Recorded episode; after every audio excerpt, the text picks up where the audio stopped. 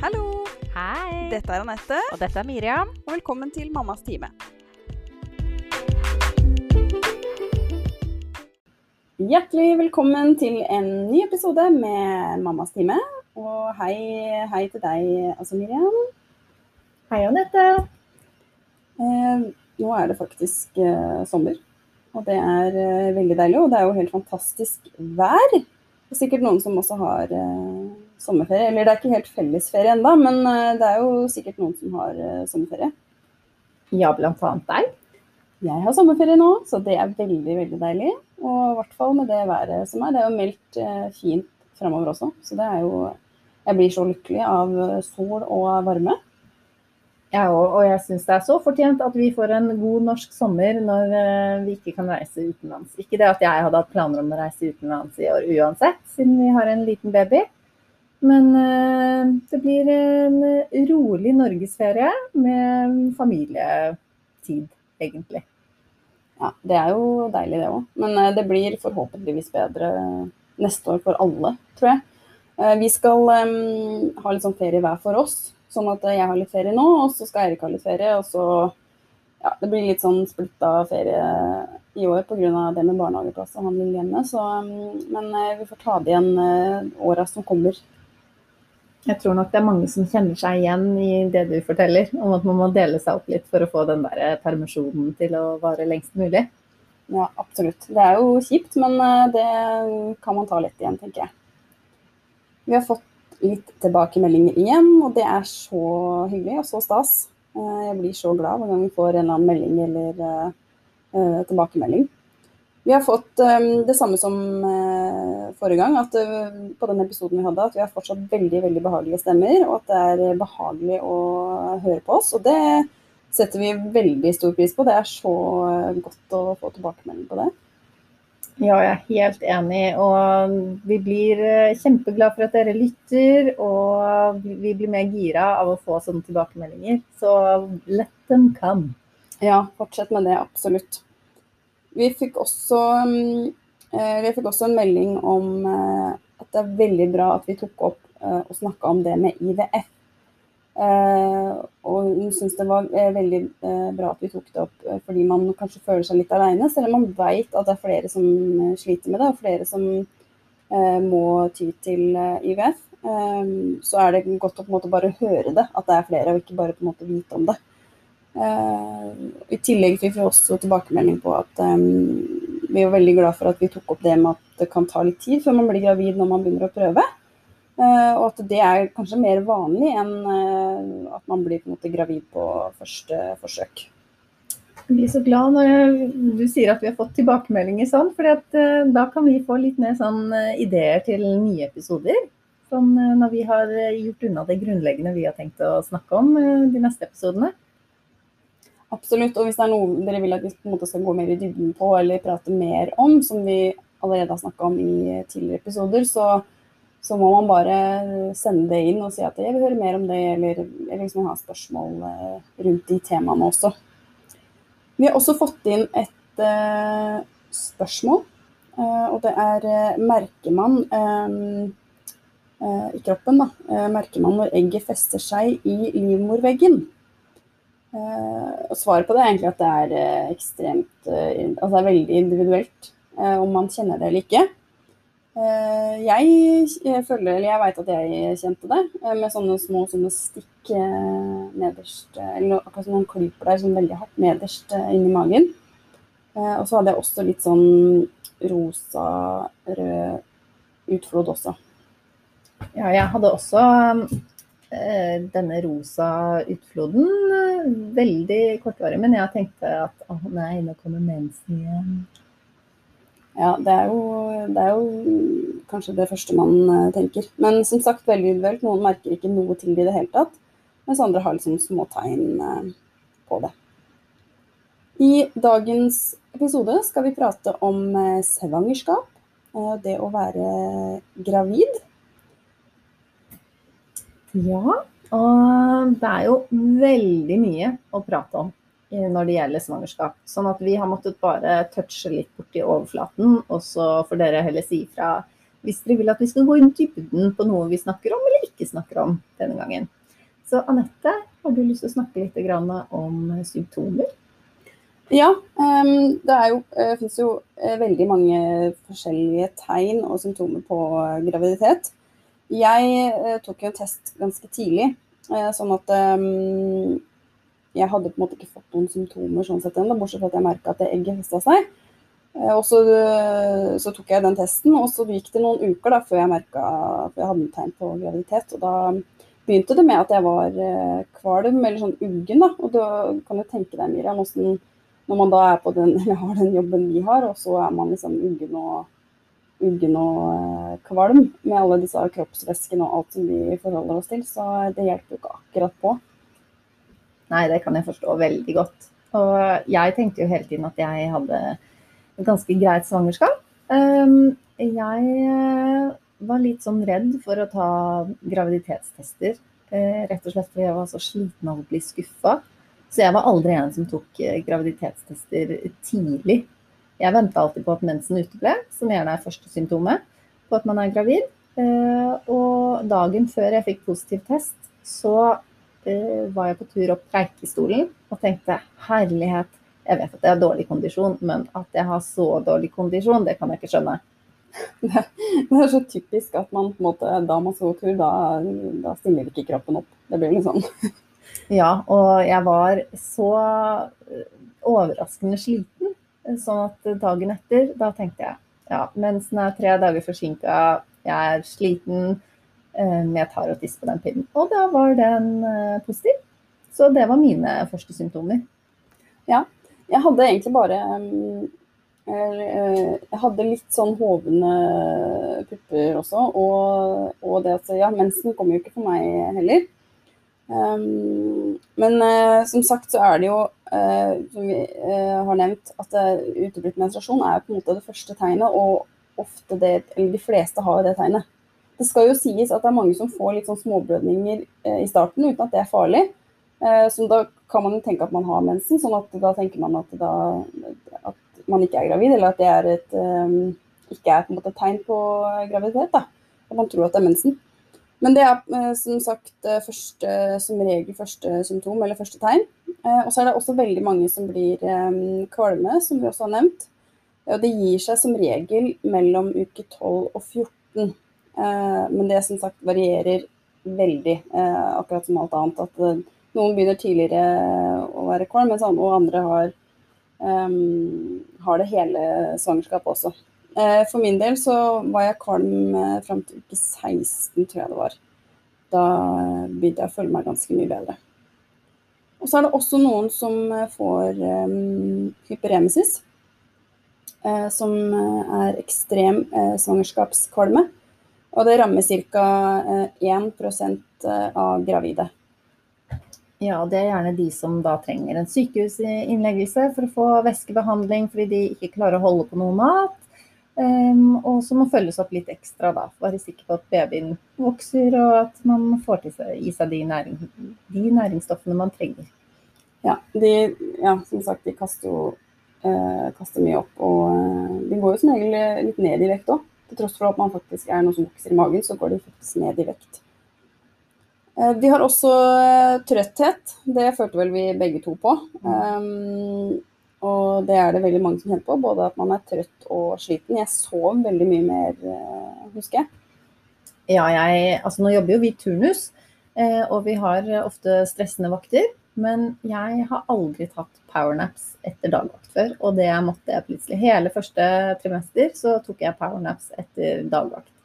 Eh, og når jeg tenker tilbake eh, på den første tida, så ser jeg jo at jeg egentlig var ganske uggen. Jeg drev og spiste mye salte kjeks bare for å få i meg noe å holde denne uggenheten under kontroll. Um, og jeg gikk jo faktisk litt ned i vekt i starten også. Men uh, der og da så tenkte jeg å, jeg er jo så heldig, jeg er jo i så god form. Og ja, OK, jeg er litt sliten og uggen, men uh, jeg kaster ikke opp. Og jeg kan være på jobb hele tiden.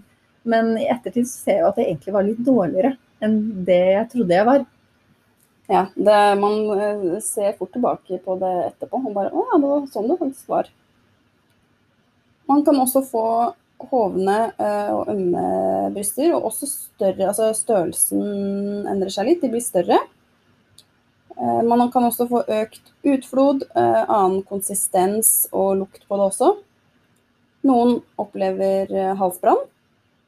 Og så er det også mange som merker at det er forskjell på smak og lukt. I forhold til hva man likte av lukt og smak før. Kanskje man ikke liker det nå lenger, eller liker noe som man ikke likte før. Eh, jeg husker i hvert fall at jeg orka ikke lukta av kjøtt og eh, stekt eh, kjøtt. Det syns jeg var helt forferdelig. Og det har jeg hørt flere har sagt også. Ja, jeg savnet egentlig en skikkelig god biff. Må jeg si en blodig biff. Men det nye for meg var at jeg ikke likte smaken eller lukten av ostepop plutselig. Og av det jeg hadde lyst til å være i nærheten av lukter, det var plutselig um, tobakksrøyk. At jeg gjerne ville bli med venninna mi ut når hun skulle røyke, for da kunne jeg lukte inn denne passive røyken. Og det er jo litt rart. Ja, tenk på altså, det, er mye, det er så mye rart man hører om. Jeg husker at jeg var veldig, jeg likte veldig godt eh, sånn garasje eller sånn kjellerlukt. Det var helt nydelig. Jeg kunne, jeg, altså, jeg kunne stå i garasjen og bare ja, lukte i evigheter, for jeg syns det lukta så godt. Uh, og det er faktisk sånn at um, Eller det skal i hvert fall være sånn at fra naturens uh, side på en måte, så er det det med, med, smak og lukt det er på en måte for å beskytte fosteret mot f.eks. ustekt kjøtt, eller kjøtt som, egentlig, som, ikke er bra, eller mat generelt, da, uh, som ikke er bra for fosteret eller for mor. Da er det jo egentlig litt rart at vi trakk mot røyk og gamle muggkjellere, liksom? Ja, veldig. Så sikkert det stemmer sånn. Stemmer helt. Men det er i hvert fall det det, det er i hvert fall derfor det egentlig er sånn. Da. Man reagerer litt på, på sånne ting. Og så kan man også få um, uren hud, og også føle seg uh, oppblåst. Jeg husker i hvert fall det at jeg følte meg veldig oppblåst uh, fra fra veldig tidlig i svangerskapet. Ja, når du nevner det, så husker jeg at buksene mine plutselig ikke um, passa lenger. Og så gikk det noen uker, så passet de igjen. Og det var nok fordi jeg kom, den, kom meg forbi denne oppblåst-perioden. Ja, det er nok derfor. Så det er jo på en måte litt sånn, Og så er det veldig, veldig individuelt. Noen får uh, mange symptomer, og nesten alle symptomer på en gang. Noen får uh, litt eller ingen symptomer. Jeg har jo hørt om de som ikke har eh, på en måte merka at de har vært gravid og har ikke sett behov for å ta en test. Fordi de ikke har hatt noe, mm, tegn eller symptomer på graviditet. Og har ikke oppdaga det før de er langt på vei. Eh, og også opplevd at det er noen som har kommet inn og ikke visst at de faktisk er gravid før de skal føde. Ja, i løpet av den tida jeg har vært eh, på fødeavdeling, så har jeg hørt om det én gang. At jeg var på vakt samtidig som en som lå og fødte som ikke hadde noe peiling på at hun var gravid. Nei, det er jo helt vilt å tenke på. At man ikke skal merke det. Men så har man jo fått uh, mest sannsynlig noen av disse symptomene da, og tar en test. Og da er jo uh, mest sannsynlig den testen positiv. Og hva, man, hva gjør man da? Ja, det første man eh, burde gjøre, er å si fra til sin partner. Men etter at man har gjort det og fått landa litt, så er det å ringe til enten helsestasjonen eller til fastlegen sin for å få eh, starta med svangerskapskonsultasjon. Og det, den første konsultasjonen får man da gjerne mellom uke 6 og 12. Eh, det er stor pågang på helsestasjonene, i hvert fall her i Oslo. Det var det kanskje der hvor du gikk også, Anette? Uh, ja, det var det. det er, jeg, føler, jeg tror det er uh, overalt, egentlig, at man føler litt på det ja, jeg, var, jeg, ringte med en gang, for jeg tenkte jeg skal inn på helsestasjonen så fort som mulig. Så jeg fikk min første konsultasjon i uke åtte. Eh, men eh, på helsestasjoner nå, i hvert fall når det er høysesong, så er det mange som ikke får før, de, får før de er godt gått halvveis ut i svangerskapet. Sånn at da må man gå til fastlegen i stedet for. Ja, jeg tror jeg var Jeg ringte fastlegen og var i uke 11 når jeg skulle få blodprøver og sånn, mener jeg å huske. Mm. Ja, fordi at disse svangerskapskontrollene er ja, hvorfor skal man gå uh, bli sjekka? Fordi at folk har jo gått gravide i uh, utallige år og ikke trengt hjelp. Men det innebærer rett og slett at man skal sjekke og sikre at mor og barn har god helse. Eh, det er for å få råd, bli forberedt på foreldrerollen, og for å uh, da forebygge egentlig at det skal skje noe galt. Det skal jo også sies da at den oppfølginga er ekstremt nødvendig av jordmor. Uh, uh, for du kan jo tenke sånn som du sa at før, så alle har man har født i alle år, men du kan jo tenke på dødeligheten blant både mor og barn før, når man da ikke oppdaga problemer eller eh, sykdom eller hos mor og barn. Eh, så at man har den oppfølginga nå, er eh, veldig viktig. Ja, og du får en god samtalepartner og en du kan spørre om alt. fordi at selv om det er forandringer i kroppen din, så kan det også være forandringer i relasjonen til partneren din. Jeg skrev masteroppgave om eh, gravide og vold i nære relasjoner. Og jeg vil bare si det at eh, jordmor og fastlege er også trent opp i å skulle eh, håndtere en situasjon hvis du eller noen du kjenner da blir utsatt for, eh, for, vold og kan hjelpe. Det er også sånn at det er anbefalt at alle kvinner som er gravide og kommer til svangerskapskontroller, skal screenes, altså spørres om de har det tøft hjemme, om de blir utsatt for vold fysisk eller psykisk. Det syns jeg er trist at ikke alle gjør.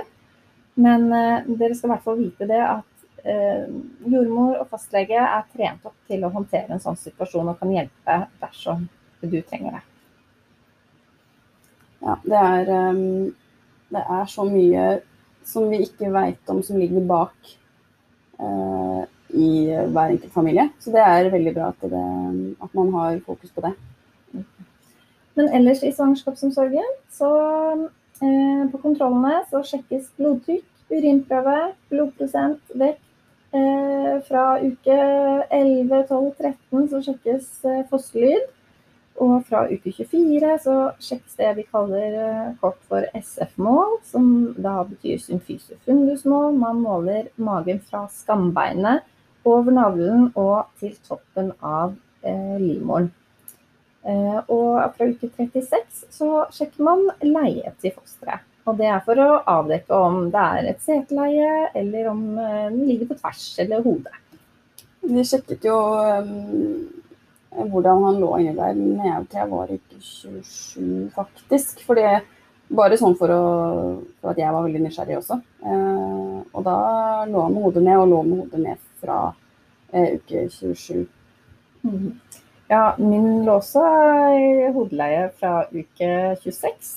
Og flyttet aldri på seg. Ble liggende der. Uh, og det er nok tilgangen til ultralyd på jobb som gjør at vi har veldig god kontroll på akkurat det der. Det her ultralyd er jo ganske mye snakket om. Tidlig ultralyd, ordinær ultralyd. Ordinær ultralyd er fra uke 18 til 20 en annen gang at man pleier å få time. Det er gjerne den andre svangerskapskontrollen eh, man har. Eh, og det er da man gjerne får vite dette kjønnet. Og selvfølgelig at barna har det bra. De sjekker jo nyrer, hjernehalvdeler, de sjekker om det er leppe-ganespalte. Altså de her jordmødrene som har den videreutdanningen, de er så dyktige på å kunne tyde disse ultralydbildene. Eh, når den aller første timen på svangerskapskontroll, da søkes eh, sykehus, altså fødeplass. Og det er jo fritt sykehusvalg i Norge. Spesielt her på Østlandet, hvor sykehusene er litt tett, eh, tettere, og det er mulighet til å føde alle. Da må man nesten velge skal jeg ha lystgass, vil jeg ha barselhotell, er det nærhet som er det viktigste? Ja, jeg, jeg tilhørte jo um, egentlig Drammen sykehus, men eh, jeg fødte jo på Ullevål. Og det var jo mest fordi at jeg um, jobber der, og fordi det er trygghet og jeg kjenner rutiner og, de, og alle som jobber der. Så jeg er veldig glad for at jeg kunne, kunne velge Ullevål. Men på den første timen så tas det blodprøver. Man vil finne ut om man har, hvilken resustype og blodtype man er fordi at det har noe å si for eh, oppfølging i svangerskapet. Man vil ha et utgangsblodtrykk, sånn at man ser om det blir en stor økning, eller for så vidt uh, om det synker. Um, Eh, man får utdelt dette helsekortet som man skal ha med seg eh, på hver konsultasjon. Eh, og der skriver man opp dette SF-målet, blodprøvene, historikk, hvem partneren er, hvor man jobber, alt mulig. Og det blir da med videre. Og blodtrykk og urinprøve det er med på å bl.a. avdekke en svangerskapsforgiftning. Og så er det egentlig bare å følge med på at barnet vokser som det skal, eh, og at mor har, har det bra, god helse. Jeg eh, hadde et SF-mål som eh, vokste som det skulle, men fikk en baby som ikke hadde vokst sånn veldig mye. Ja, jeg hadde fulgte den røde streken, som det er på en måte den de skal følge, som man ser på helsekortet fulgte den helt fint. Og han, han var jo han, Det stemte jo også, da. Han var jo 3,690 da han ble født, så det, han var jo ganske normal. Ja, han veide jo da rundt en kilo mer enn min datter. Ja. Uh, og det, denne røde streken på det helsekortet, som sier det er vanligst at de fleste følger denne linja. Uh, men det her går på 50 persentil, er den røde linja. Uh, sånn at hvis du ligger på den, så er 50% av fosterne Eh, større enn babyen din, og 50% av de er mindre enn babyen din. Så akkurat gjennomsnittet. Ja, så det er, eh, og den kan også variere. Det er ikke alltid den ligger på den røde streken. Går litt sånn opp og ned derfra også. Det, og det er ikke alle som ligger på den røde streken heller. Men det betyr ikke at, det er, eh, at, at ikke alt er på en måte bra. Nei, det viktigste er at den følger sin egen kurve. Jeg tenkte at vi skulle prate litt om prematuritet. Eh, eller prematur, premature barn, prematur fødsel. Eh, det, ordet, betyr, ordet prematur betyr før moden, eh, altså før barnet er moden nok til å komme ut fra livmora. Og eh, i Norge i dag så fødes det ca. Ja, 5% av alle barn eh, fødes for tidlig. Altså da før uke 37. Så et fullgodt eh, svangerskap regnes da fra uke 37 pluss eh, 0. Og eh, føder du før uke 37 pluss 0, eh, så er, da regnes det som en prematur fødsel, og barnet er eh, prematurt. Eh, vi har også sånn grense på, på måte uke 28. Hvis du, barnet er født før uke 28, så kalles det for ekstrem, da er barnet ekstremt prematurt. Og de trenger også da mm, som regel eh, oksygen og mm, hjelp til eh, å puste, da. Jeg tenkte bare jeg skulle nevne Når vi snakker om uker, altså uke 28, så eh, helsepersonell snakker alltid fullgåtte uker. Eh, på mange apper så er det sånn ja, nå er du i 28. uke når du bikker 27 pluss 1. Eh, men eh, vi helsepersonell er mest interessert i de fullgåtte ukene. Ja, det, mm, absolutt. Eh, og så er det sånn at det er eh, fri abort eh, til og med uke tolv. Og etter uke tolv så må det være en hva skal man si, Da må det være begrunna med særlig tungtveiende grunner. Og dette er da fram til uke 22.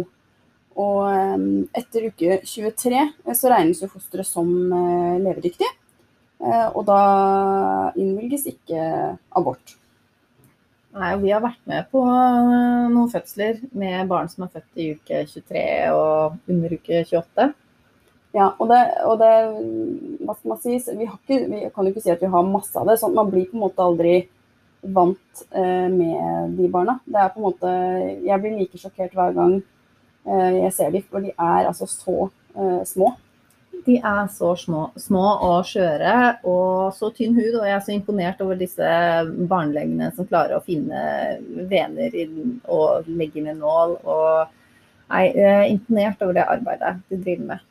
Ja, de er eh, veldig dyktige. Så um, det er helt fantastisk at de har kommet så langt at de faktisk kan redde barn uh, fra, fra, så tidlig, da. Um, ja, når eh, vi har premature barn som blir født eh, på mm, avdelingen vår, noen ganger går det så fort at ikke, vi ikke har tid til å calle på, eh, på barnelegene i forkant. Sånn at hvis vi har premature barn som blir født og vi trenger akutt så har vi faktisk en alarmknapp på det vi kaller for asfiksirommet.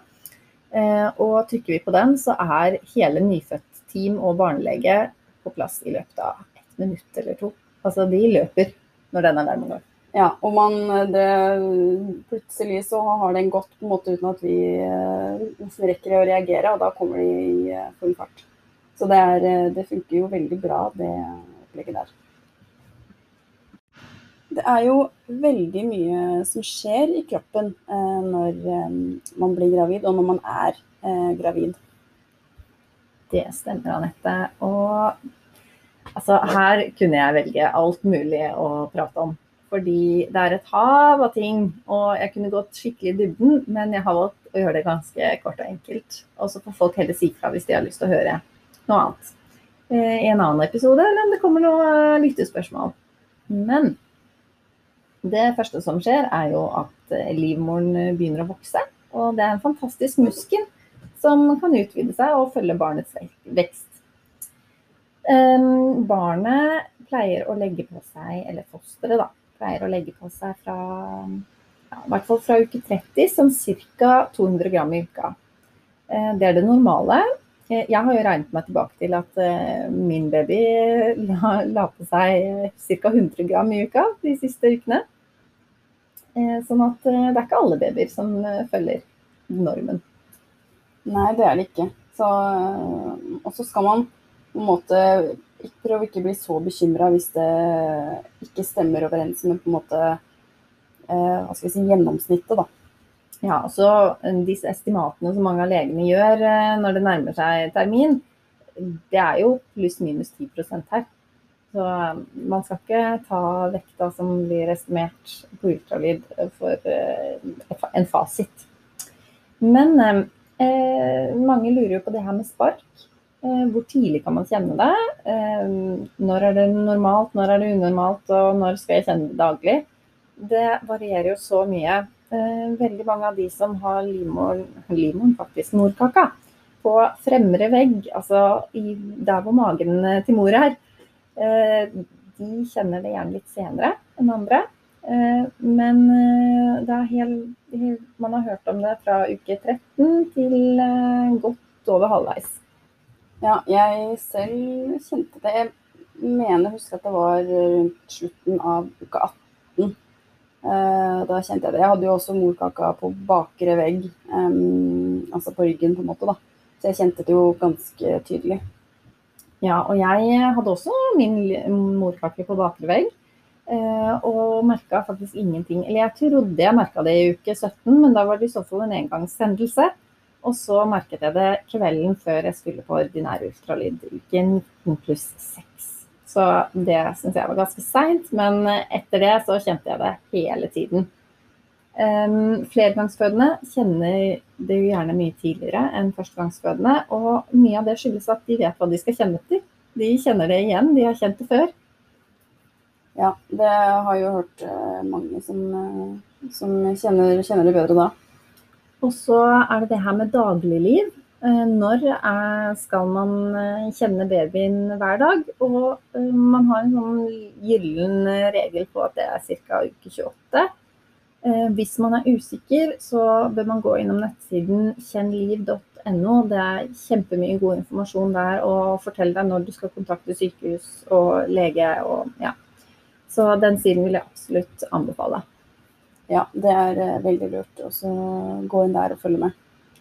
Jeg tenker at um, uh, Jeg har snakka litt sånn fram og tilbake om vi skal ta med barnets, uh, eller fosterets da, utvikling, men jeg tenker at det er et Eh, det er jo veldig mye å prate om rundt det, så jeg tenker at hvis eh, folk er interessert eh, i det, så kan man eventuelt sende inn det, så kan vi prate om det i en senere episode. Ja, fordi veldig mange har jo sånne apper òg, hvor de ser utvikling til barnet fra uke til uke.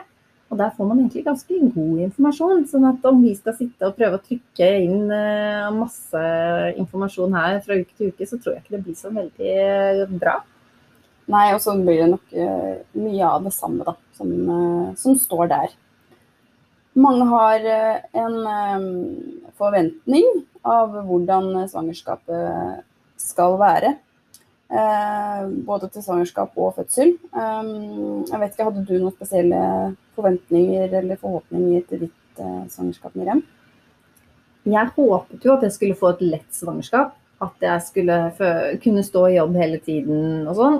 men jeg frykta jo det verste, at jeg skulle legge på meg 30 kilo, at jeg skulle få bekkenløsning, gå med krykker, at jeg skulle få hyperemesis. Og jeg bare så for meg det verste. Sånn at jeg vet ikke om det er det som gjorde at jeg følte at jeg fikk et veldig lett svangerskap i mine øyne, da. Eller om det bare var at jeg hadde det, lett. Jeg går gjerne gravid igjen. Ja, der er vi egentlig litt forskjellige. Um, men ikke fordi at jeg hadde så veldig mye plager. Jeg hadde egentlig en forventning om at uh, på en måte Siden jeg følte meg på en måte, hva skal jeg si, sprek og trente mye fra før, så tenkte jeg at det kommer sikkert ikke til å merke så stor forskjell. Men det gjorde jeg, og jeg tror kanskje at jeg følte at jeg var uh, at det var mye verre da enn det det var. At jeg følte meg verre enn det jeg faktisk hadde når jeg ser tilbake på det nå. Ja, for, altså, du så så bra ut. Du så kjempebra ut som gravid, og du var jo i 30-årslaget mitt i uke 38, var det vel? Og du kom der og så helt smashing ut. Sånn at eh, vi så ikke at du ikke trivdes som gravid, i hvert fall. Nei, det var veldig hyggelig, veldig hyggelig å høre. Uh, jeg, jeg, hadde nok en annen følelse innvendig. for selv om jeg ikke hadde liksom veldig nye og store plager, uh, og hadde det egentlig, hadde det egentlig fint, uh, så syns jeg bare ikke at det var gøy å være gravid. Jeg var veldig sånn utålmodig. Jeg har jo veldig lite tålmodighet fra før, skal jo sies. Eh, sånn at eh, jeg gikk egentlig bare og venta på å bli ferdig. Jeg følte meg bare tung og stor, og jeg følte meg Selv om jeg egentlig ikke var jo egentlig ikke det heller. Um, men, uh, men uh, ja, jeg fikk ikke trent som jeg ville. Nei, jeg syns bare det var sånn ja. Så jeg Du går gjerne gravid igjen. Jeg kan godt vente. Ja, men det er noe med det du sier der òg, at selv om jeg sier at du så veldig bra ut, så har det noe med selvfølelsen å gjøre. Og det er ikke bare det, man, det fysiske man kan se, det handler jo om hva som foregår inni hodet òg. Fordi eh, ja, jeg har alltid vært ganske slank og var veldig nervøs for å skulle legge på meg mye. For jeg visste ikke om jeg kom til å trives i egen kropp. Um, og det er noe med det vi, vi kvinner som går gjennom disse graviditetene, vi skal gjennom så mye forandring, eh, både fysisk og psykisk. Og eh, det er jo utrolig at vi kommer oss gjennom det her uten varig men alltid.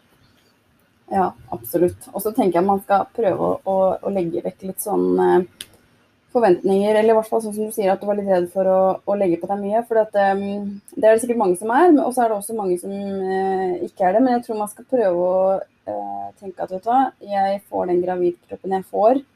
Uh, og jeg har den formen jeg har. Man må prøve å kanskje ikke ha så høye eller store forventninger til ting, og hva alt man skal orke og alt man skal gjøre mens man er gravid. Um, for det, det, kan man ikke planlegge, og kroppen eh, reagerer på en graviditet som den vil selv. Det er liksom ikke noe man kan uh, få gjort noe med. Så prøv å bare liksom ikke, ikke stresse og ikke tving deg selv på en måte til å gjøre ting heller. Hvis man ikke orker, så orker man ikke. Nei, jeg er helt enig med deg. Og jeg tenker også uh, Jeg har snakket med ganske mange om det her at kroppen blir på en måte fritt frem for alle andre når man blir gravid. Alle sammen nå har det vært litt mindre av det under covid, da, at folk kommer og tar på magen og sånn. Men man har liksom lov å si 'å, så liten mage du har', eller 'å, nå må du passe på hva du spiser, for nå spiser du for to', eller 'må bare spise sunt'. og ja, altså, vi begge to fikk jo Ingen av oss hadde noe Vi hadde jo egentlig små mager begge to. Kanskje deg enda mindre enn meg, for du er jo litt høyere enn meg. Um, og det, jeg, fikk jo, jeg, fikk jo, høre det en del, at 'å, du har så liten mage, det må være en bitte liten baby'. Altså, men han var nesten 3-7, så han var ikke så liten. Uh, så vær litt sånn forsiktig med å si om har, en har veldig stor mage eller veldig liten mage. For det kan, det kan jo være sårt for noen. Jeg tenk, jeg tenkte altså jeg tok, Det var ikke noe sårt for meg, jeg tenkte ikke så veldig mye over det. Men uh, det kan jo være noen som kjenner på det. Ja, og det er jo ikke alle sammen som Eller man vet ikke hva eh, personen du nevner eller kommenterer magen til, har gått gjennom. Kanskje det er en spiseforstyrrelse der, kanskje man ikke føler seg vel i kroppen. Og når det da hele tiden kommer kommentarer om kroppsfokus, eh, så kan det være veldig sårt og ødeleggende. Og jeg tror eh, man må tenke seg litt om ja, man ser at personen er gravid, men man skal ikke kommentere kroppen deres likevel. Nei, det er jeg helt enig i. Så jeg tenker bare at kropp Eh, er kropp. Noen eh, blir større enn andre, noen er mindre enn andre. Det er ikke noe du kan bestemme selv eller gjøre noe med. Sånn er det bare, og det må man nesten bare godkjenne. Og så må man ta svangerskapet eh, og kroppen sin litt sånn som det kommer, rett og slett. Helt på slutten her nå så skal vi ha litt fun facts, akkurat som sist. Og vi har jo funnet fram litt. Jeg tenkte um, du kan jo bare begynne du, Miriam. Ja, da har jeg prøvd å holde meg til liksom det som eh, skjer med kroppen under svangerskap. Da. Eh, første fun fact det er at eh, fosteret den får næringen først. Eh, og vi sier jo ofte at eh, eh, barnet tar det den trenger, så ikke, ikke tenk på det. men altså, altså Det går utover mamma hvis man spiser for lite barnet tar den næringen den trenger, mens mor er den som får f.eks. vitaminmangler eller noe sånt, fordi at barnet tar det den trenger. Eh, nummer to er at sjømat kan forebygge fødselsdepresjon. Har du hørt noe sånt før, Anette? Det, det, eneste jeg har på en måte hørt om det, er at man skal være forsiktig med sjømat, eller altså hva man kan spise da, når man er gravid av sjømat. Ja, fordi forskning har vist at eh, de gravide med lave nivå av noe som heter marin omega-3, målt i uke 28, hadde flere depressive symptomer etter fødsel enn de som hadde høyere nivå. Hm. Ja, det visste jeg ikke. Det er jo på en måte litt sånn merkelig. Jeg tenker på at mat kan eh, ha noe å si på eh, humøret, holdt jeg på å si, eller hvordan man har det. Ja, men samtidig så er det sånn eh, jeg kan, Mat få meg ofte til å føle meg vel. Eller en god matopplevelse, i hvert fall. Ja, det, det, er jo sant, da. Men sånn eh, langtidsmessig Altså en depresjon er jo eh, gjerne kronisk, eller i hvert fall kortvarig kronisk, hvis man kan kalle det sånn. Um, men ja, mat kan påvirke, altså. Skikkelig. Det er jo eh, egentlig helt fantastisk at det funker på en uh, positiv måte. Men eh, en liten fugl hvisket meg i øret at du har funnet en fun fact? Stemmer. Jeg har funnet en liten fun fact, vet du. Eh, verdens minste eh, prematurfødte barn eh, ble født eh, i 2019 i San Diego. Og det eh, barnet var altså bare 245 gram. Altså, eh, og født i uke 23. Det var veldig liten vekt i uke 23. Ja, det er, altså, kan, eh, det er som et eh, eple, egentlig. Du kan tenke deg hvis du tar opp et eple og holder et eple og ser hvordan det er. Det er ca. samme vekt. Men altså, dette barnet overlevde? Det barnet overlevde og lever i dag. Herlighet, fantastisk. Altså, det er jo skummelt hvor gode vi er blitt på helse og medisinske inngrep nå, altså. Ja, det er, det er helt utrolig. Da føler jeg mine fun facts, de siste, kommer til å bli litt sånn skuffende, egentlig. Nei da, kjør på. Ok. Eh, man hører ofte, eh, eller jeg har i hvert fall hørt mye eh, om hår og hårvekst under svangerskap og ammetid. Eh, mange snakker om ammehår, at det er liksom tuster og sånn. Men eh, det har vist at håret blir tykkere i graviditeten pga. hormoner som forlenger denne aktive fasen i hårveksten, og derfor begrenser hårtap. Sånn at når eh, disse hormonene eh, går ned igjen i nivå, så mister vi mye hår. Og det er derfor alle sammen snakker om at man mister så mye hår når man ammer. Ja, det, det har jeg også hørt. Eh, men, så, men, jeg har faktisk hørt om det også, at det er pga. hormonene. Og det har sånn nødvendigvis ikke noe med at man ammer å gjøre. Jeg, uh, og jeg, um, jeg har jo mista, mista mye hår. Jeg har fått veldig tynt hår, og så har jeg jo en sånn liten løve Altså nå har den begynt å bli bedre, da, men jeg hadde liksom sånn pannelugg, veldig kort pannelugg rundt hele panna, som sto rett ut. Nå har det liksom vokst litt ut, men men en sånn liten ja, hva skal jeg si, eh, manke rundt eh, hår som jeg har mista, som har grodd ut igjen nå. Ja, jeg har ikke begynt å merke det. Eller kanskje jeg mister litt mer hår, men jeg har ganske tykt hår. Uh, så det er mannen min som driver og sier at det er så mye hår overalt. Men det har han sagt så lenge vi har bodd sammen. Sånn at jeg føler ikke det er noe nytt. Nei. Det får jeg beskjed om hjemme også. Bare, du røyter verre enn er bikkje. Og jeg får klage på det hele tida. Og går rundt og nevner at å, herregud, se, se Jørgen, mamma mister så mye hår, det ligger hår overalt. Altså, jeg gleder meg jo litt til å miste håret nå. Det er ikke lov å si. Nei, men det er så mye hår på det hodet mitt at eh, jeg, det er kjærkomment hvis det skjer. Det er greit å få, få lufta skallen litt mer, mener du? Ja, i hvert fall nå når det er meldt eh, 30 grader neste uke. Så, eller til helgen, er det vel. Ja. Men eh, aller siste fun fact for denne gang, det er at hvis man venter ei jente, altså man går og bærer på ei jente i magen, så bærer man faktisk frem eh, sine fremtidige barnebarn også. Og det skyldes at eh, jenter er født med alle eggene vi noensinne kommer til å, å si, produsere. De eh, er der eh, fra før av, i motsetning til mennene som da produserer sperm eh, etter hvert. Sånn at jeg har da, hvis min datter får barn, så har jeg bidratt med mine barnebarns fødsler, kan man si. Eller Ja, du har på en måte bidratt med å, å å få Hva skal jeg si? Slekta videre, rett og slett. Det har jo ikke jeg, da. Nei, men eh, forhåpentligvis så fikser sønnen din at du får noen barnebarn i òg. Jeg håper jo håper virkelig det, da. Det gjør jeg. Jeg tenkte kanskje vi skulle avslutte nå, jeg. Nå har vi sittet her, eh, sittet her en god stund, og ja. Ja, hvis eh, du har hengt med helt til hit, så må vi bare si takk, og håper du eh, lytter neste gang.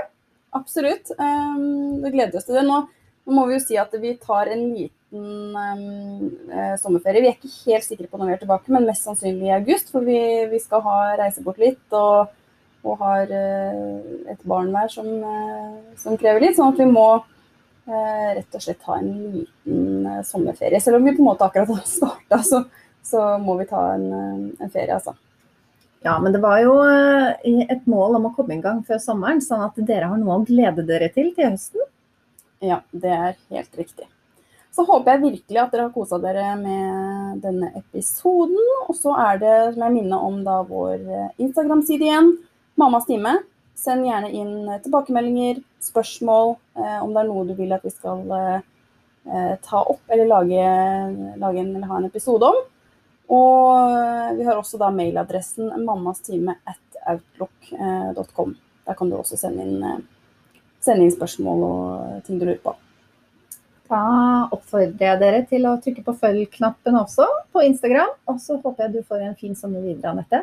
Og du også, Miriam. Det lover i hvert fall godt for været nå. Så får vi håpe at det, det holder seg. Ja, Det satser vi på. Så rug videre, lytt eh, på oss i sommer, og send oss melding om det skulle være. Og kos dere masse. Ha det bra!